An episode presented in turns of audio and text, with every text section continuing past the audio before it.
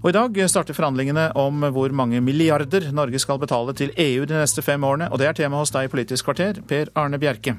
Vi betaler for mye, mener Senterpartiets Trygve Slagsvold Vedum, og møter EU-ministerens statssekretær til debatt.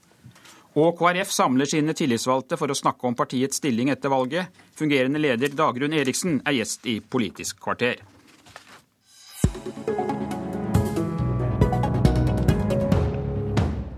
Ja, i dag setter Norge seg til forhandlingsbordet i Brussel for å drøfte hvor mange milliarder vi skal bidra med i neste femårsperiode for å få delta i EØS-samarbeidet. I inneværende periode er det norske bidraget på rundt 14 eh, milliarder kroner. Og du mener at vi betaler for mye, nestleder i Senterpartiet Trygve Slagsvold Vedum. Hvorfor det? Og spesielt mener jeg det nå, for det var en kjempedebatt i EU før jul om eh, budsjettet sitt. Og der eh, ble EU-landene enige om å gjøre et ganske tydelig kutt i sine budsjetter. Og da er det ingen grunn for at vi skal eh, videreføre et så stort bidrag. Heller som EU har sagt, at vi skal øke vårt bidrag. Det er helt naturlig at vi kutter. Eh, sånn at det kommer mer i samsvar. Og så er det én ting til som jeg har reagert på over tid nå. At man kobler eh, vår innbetaling til EØS-midlene til handel. For i utgangspunktet så skulle EØS-avtalen være en balansert avtale der begge parter hadde glede av det. Begge parter skulle ha glede av handel. Og så skal vi begynne å betale penger for å få tilgang til markedene. og Det mener jeg er helt feil. Og når EU kutter sine budsjetter, så må vi også kutte våre budsjetter i forhold til eh, EØS-midlene. Ja, det var kanskje godt for deg å få sagt dette, Slagsvold Vedum, etter å ha sittet i regjering i flere år og måttet forsvare noe du egentlig er imot?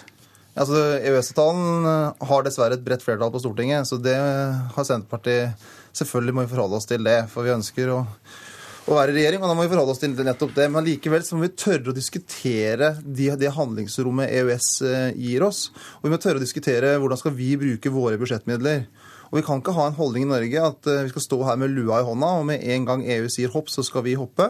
Eh, og når de kutter sine budsjetter, sine bevilgninger, så må vi kutte også våre budsjetter, våre bevilgninger til EØS-organene. For det er ingen grunn for at vi skal bidra relativt mer framover.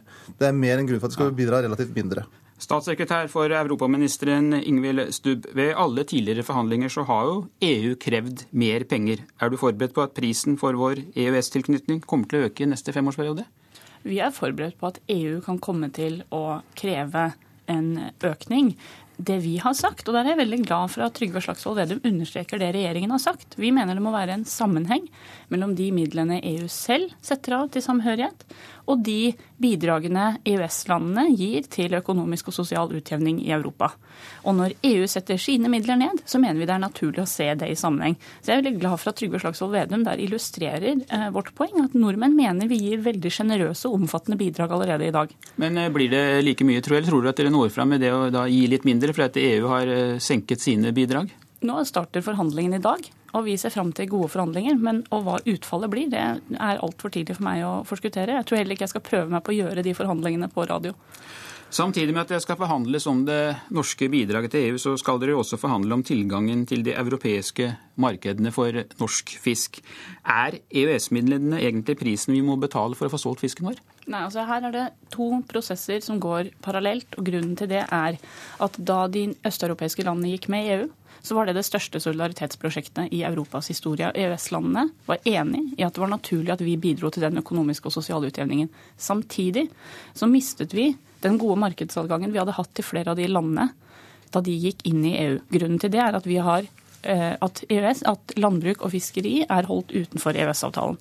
Derfor foregår disse forhandlingene samtidig. Vi mener det er naturlig at de foregår parallelt, og vi har sagt at vi vil ikke ha en avtale om finansieringsordningene uten å få en tilfredsstillende og god markedsadgang for fisk. Det er fordi fisk er en sentral nasjonal norsk interesse. Og et helt samlet storting, inkludert Senterpartiet, sa i forrige periode at vi skal bruke alle anledninger til å fremme markedsadgang for norske produkter, og det gjør vi nå. Slagsvold Vedum, du reagerer jo på denne koblingen mellom eh, fisk og milliardbevilgninger til EU. Hvorfor gjør du det? Nei, men det er litt Hvis du ser på historien til EØS-midlene når de kom i 93, så var det jo 200 millioner kroner i året. Det var en ganske liten bevilgning til, til, å starte med. Også når man, eh, både EU og norske myndigheter sa i 93 at dette var et, en balansert uh, avtale. Her var gjensidig utbytte for begge parter, og at begge skulle tjene på større grad av frihandel. Mens i tillegg så kom de EØS-midlene for å finansiere strukturen.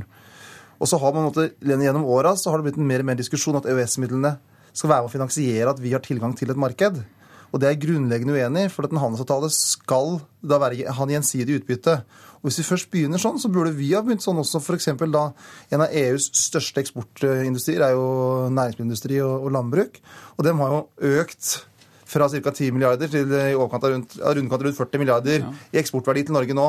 Og Norge har aldri tenkt tanken engang på å si at nei, pga. at dere eksporterer mer landbruksprodukter til Norge, som er viktig eksportartikkel for dere, ja, så skal dere, penger, skal dere betale penger til oss. Så Derfor er det helt urimelig av EU å tenke tanken at vi skal betale jo, men, penger for å ha markedsadgang for den, fisk. Den uh, koblingen med landbruk blir ikke den litt søkt, for du vil jo egentlig ikke ha import av landbruksvarer i det hele tatt. Du vil jo ha høye tollmurer. Jo, men altså, Poenget er at vi importerer jo ca. 50% av våre varer, og det kommer vi til å gjøre også framover. Men vi har jo selvfølgelig i motsetning til regjeringa sagt at vi ønsker å ha et norsk landbruk, og vi ønsker å bruke tollvern og bruke vår handlefrihet. Eh, men det er et faktum at importen av landbruksvarer har økt. Og da er det vel, Tenk tanken at vi i Norge sagt nei, men da skal dere betale x antall milliarder til Norge fordi at dere har markedsadgang. Vi tenker ikke den tanken engang. Og heller så burde heller ikke EU tenke tanken at de skal begynne å kreve penger av oss for at vi skal ha markedsadgang på fisk. Og den koblinga må vi holde borte, for det er ingen kobling. Koblinga skal være at handelsavtale skal være gjensidig, og det har den vært fra 93. Altså, dette, er, dette blir litt tullete. Altså, eh, Trygve Slagsvold Vedums eget parti satt i en regjering som økte finansieringsbidragene med over 20% og den regjeringen førte akkurat samme forhandlingsstrategi som vi gjør nå, og sa at en avtale forutsetter en god markedsadgang for fisk. Denne debatten kunne Senterpartiet med fordel ha tatt da de satt i regjering. Og selvsagt er det også bare et høys, som man sier, at denne regjeringen ikke er opptatt av å ha et levedyktig landbruk. Det er vi selvsagt, og det jobber landbruksministeren med. Men det som er, det som er vesentlig forskjell med dagens regjering og den forrige regjeringa, er at vi turte også å stå opp for norske interesser i møte med EU. Altså Nå har man fått en såkalt europaminister i regjeringa. Og den ministeren har til nå vært EUs minister i Norge, ikke Norges minister i EU. For hver gang EU har kommet med et krav, f.eks. på toll, så har landbruket har regjeringa sagt ja vel, det er greit.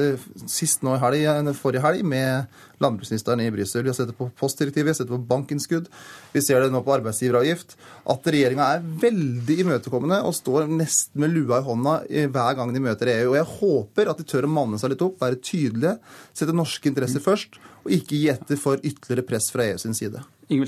Altså, dette, blir, dette blir alt, alt, altfor enkelt. Altså, det regjeringen har gjort, er at vi har dratt til Brussel og så har vi informert om hva som er regjeringens standpunkt.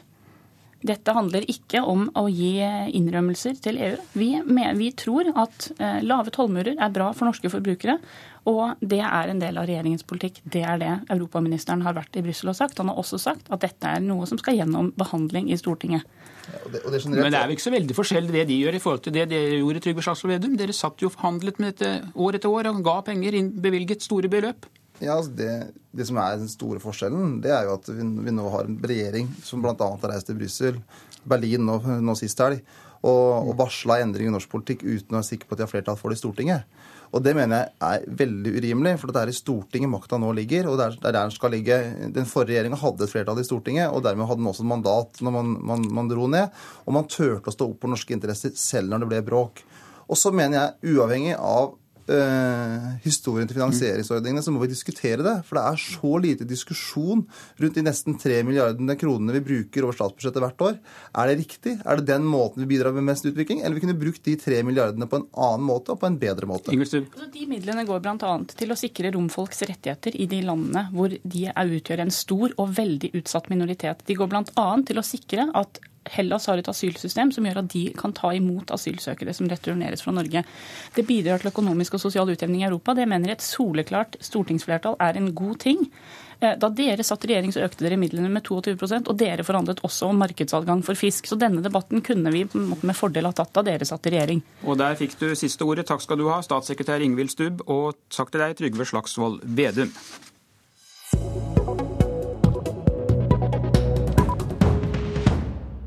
Og da har vi fått besøk i studio av Dagrun Eriksen, som er fungerende leder i Kristelig Folkeparti, mens sjefen sjøl har pappapermisjon. I morgen samler KrF kommunepolitikere og partitopper til konferanse i Stavanger, bl.a. for å snakke om KrFs rolle i norsk politikk etter valget. Og denne uka er det 100 dager siden regjeringsskiftet, og Dagrun Eriksen, har det vært 100 gode dager? Det har i hvert fall vært eh, mye mer spennende enn de åtte foregående årene hvor vi satt med en flertallsregjering og måtte mase oss inn eh, og fikk av og til et lite gjennomslag hvor vi jubla stort. Eh, så har jo dette vært en tid hvor vi virkelig har fått lov til å, å være med og forme norsk politikk. Så jeg, jeg syns jeg ser et vitalisert parti som bruker sin lange erfaring med å være et sentrumsparti, med å få til gode løsninger som betyr mye for oss. Ja. Hvor store sjanser er det for at KrF i løpet av de neste tre og et halvt årene kommer til å gå fra å være et støtteparti til å bli et regjeringsparti? Nei, jeg skal ikke komme med noen prosentregning på det, men, men, sånn som det ser ut nå Vi gjorde en ganske grundig og god diskusjon i partiorganisasjonen før vi gikk inn for det vedtaket vi gjorde, nemlig at vi valgte å stå utenfor regjeringen, men heller ha en rolle i Stortinget. Det er jo ingenting nå som har forandra seg fra vi gjorde det vedtaket. Og sånn jeg ser det, så må det skje noe eh, vesentlig i norsk politikk for at det vedtaket skal endre seg. Eh, og sånn som du ser nå, så virker det veldig ro i partiet. Eh, og så lenge vi klarer å levere på politikk, så tror jeg vi skal klare å påvirke norsk politikk også i den posisjonen vi har nå. Det virker jo nærmest nå som om du utelukker at dere går inn i regjeringen i løpet av denne perioden i hvert fall. Nei, jeg utelukker det på, på sånn situasjonen ser ut nå. For det er denne situasjonen vi har tatt en diskusjon i partiet på. Så det er mitt budskap er at da må det skje noe vesentlige ting som gjør at vi kommer til å ta andre standpunkt enn det vi gjorde for kort tid siden. Hvilke vesentlige ting kan skje, da? Nei, det må Altså, det Norsk politikk, den er mangfoldig, og det kan, kan, skje mye ting. Men vi visste at vi kom til å ha et Høyre og Frp. Vi visste hva Høyre og Frp sto for. Vi visste at Høyre og Frp kunne gjøre eh, opp boet også bare med Venstre. Så det handler jo litt om også hvordan KrF klarer å håndtere denne rollen, om vi på denne måten klarer å være med og påvirke norsk politikk. Og så langt så må jeg si at stortingsgruppa vår har gjort en god jobb. Både i budsjettet har vi fått sterke KrF-spor, og ikke minst også i sonderingene. I løpet av de neste månedene kommer det mange vanskelige saker som regjeringen skal ta stilling til, og hvor Erna Solberg jo er avhengig av støtte fra dere eller Venstre. Og La oss da begynne med jordbruksoppgjøret. Hvor stor reduksjon i overføringen til bøndene er KrF villig til å være med på? Nei, jeg tror nok at alle vet at, og vi klarte jo i sonderingene å få med at vi skulle ha forutsigbare rammevilkår for jordbruk, og det tror jeg er veldig viktig. Vi, eh, nå skal jo partene gå inn i forhandlinger på dette, og det som er mitt budskap egentlig til begge sider i det, er at jeg håper at man, altså både fra jordbrukets side, at man behandler denne regjeringen med like ærlighet og åpenhet som man har behandla de rød-grønne. Men så er det også viktig for oss å gi beskjed inn til Høyre og Fremskrittspartiet at de vet hvor KrF er. Vi har hatt en høy profil på at vi ønsker et aktivt og levende jordbruk, fordi vi ser at det betyr mye for lokalsamfunn rundt i landet. Eh, så eh, jeg kommer ikke til å komme med noen noe summer her, når partene får gjøre sitt. Men det er viktig for oss å ta vare på jorda. Det er viktig for oss at bønder kan ha en, en levelig inntekt. Eh, og det er viktig for oss at vi får økt matproduksjon. Det er vår ja, utgangspunkt. Men Betyr dette at Fremskrittspartiet da bare kan glemme å legge om landbrukspolitikken slik partiet egentlig ønsker? Ja, med de drastiske endringene som de har gjort i sine budsjetter, kan ikke se at de vil få gjennomslag verken med oss eller eh, Venstre. Samtidig så tror jeg jo at det er jo interessant å se går det an å gjøre ting. Hvis vi bare hadde fortsatt sånn som de rød-grønne styrte landbrukspolitikken, så er det ikke heller veldig mye lyst og framtid i landbruket, så det må gjøres noen grep. Jeg håper jo at vi kan klare å benytte denne sjansen, kanskje til å se på noen nye ting, samtidig som vi sikrer landbruket, for det må ligge i bunn. Ellers så eh, er ikke vi med på endringer. På konferansen i Stavanger så er kommunalminister Jan Tore Sanner en av gjestene. Og er KrF nå klar til å være med på en omfattende sammenslåing av kommuner, slik at vi får færre kommuner? Vi hadde jo en interessant diskusjon i forbindelse med programmet hvor litt overraskende så endte vi opp med en liten åpning for å kunne se på en sammenslåing av kommuner. Det som jeg tror er viktig i denne saken, er jo at for oss så ønsker vi jo fortsatt tre eh, forvaltningsnivå. At vi beholder en form for region.